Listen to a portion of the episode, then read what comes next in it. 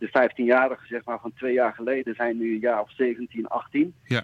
En de zorg die we hadden is dat we zagen dat veel van die jongeren soms te schaars uh, uh, gekleed waren. En eigenlijk te weinig rekening hebben gehouden. Dus dat blijkt ook hè, dat ze dan te weinig ervaring hebben. En uh, ja, de zorg was dat ze tegen middernacht misschien onderkoeld zouden raken. Dus we waren daar heel erg op ja, waakzaam en alert. maar ik heb in ieder geval gelukkig geen meldingen gehad over onder onderkoelingen. Maar dat was eigenlijk de zorg en, en, en dat was ook een teken van onervarenheid. Want degenen die ervaren waren, ja, die, die hadden zich natuurlijk goed voorbereid op zo'n uh, zo'n nacht. Ja, die hadden een extra jasje of trui bij zich inderdaad. Maar de nacht is ja. goed verlopen, dat is mooi.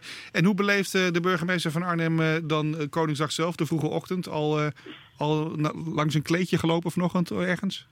Nee, nog niet. Ik ben natuurlijk begonnen met mijn oranje stropdas te strijken en, en, en, de keten te poetsen.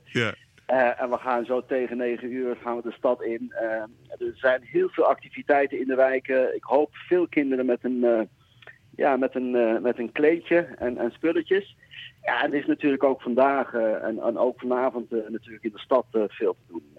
dus de, de festiviteiten gaan gewoon door. Vandaag natuurlijk wel wat uitgebreider.